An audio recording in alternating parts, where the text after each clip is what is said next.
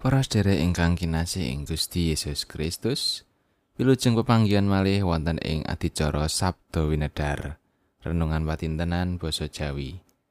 Ing kalodhangan menika renungan kaparingan jejer ayem.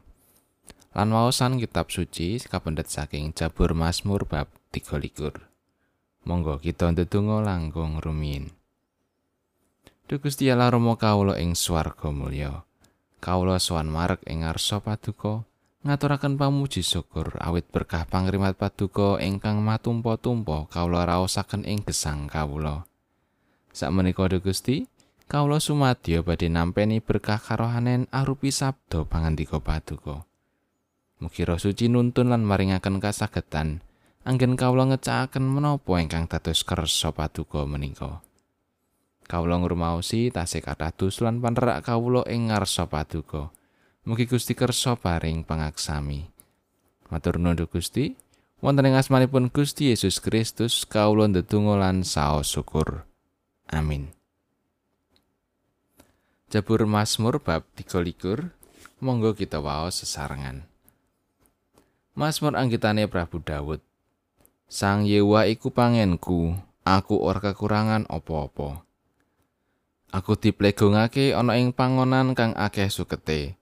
Aku digiring menyang ing banyu ing panggonan kang tentrem. Nyawaku diayemake sarta dituntun ing dalaning kabeneran marga saka asmane. Malah sanadyan lumaku ana ing jurang paling menganing pati, aku ora wedi marang bilai. Margi paduka ingkang nganti kawula. Teken paduka so lantaran paduka menika sami nglipur kawula. Paduka nata pasegahan kangge kawula. Wonten ing ngajengipun satru kawula.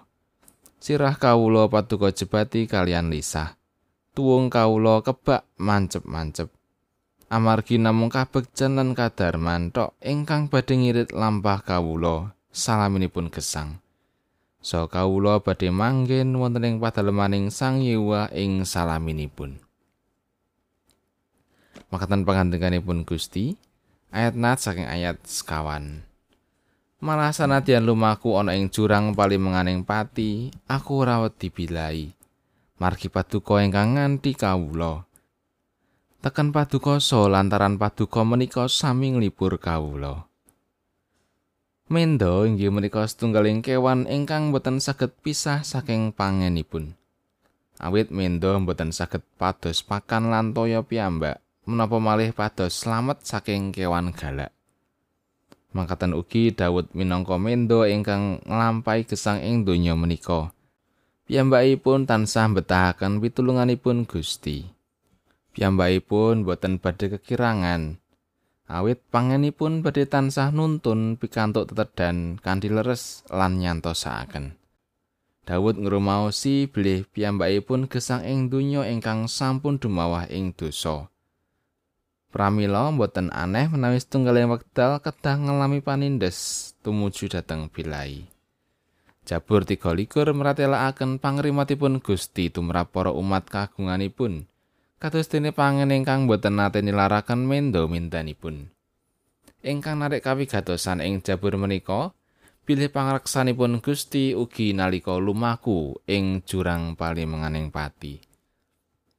Kanthi mekaten raos ayem boten namung nalika umat katuntun ing panggonan kang akeh sukete, ananging ugi nalika wonten ing jurang paling menganing pati ingkang boten tentrem. Kathah tiyang ingkang mangu-mangu ngakeni panguwasipun Gusti nalika wonten ing kawontenan pergumulan ingkang aurat. Milanipun kathah tiyang ingkang nyingkur saking perkawis sing gesang utawi nyuwun dumateng Gusti supados ngenggoaken perkawis sing gesang awit ndadosaken giris lan kapitadosanipun kendu. Ananging sak menika kita mangertos bilih sinaosa ing jurang paling menganing pati gesang kita kata pergumulan kita tetep dipun kanthi dening Gusti. Amin.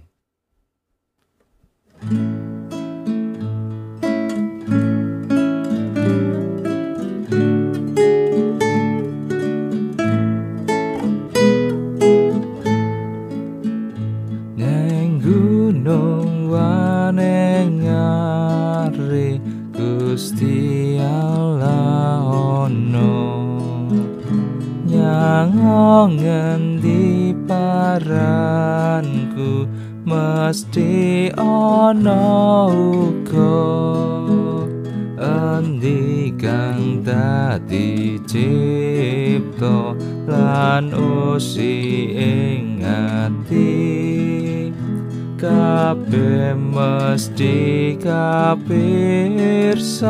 ing layang widi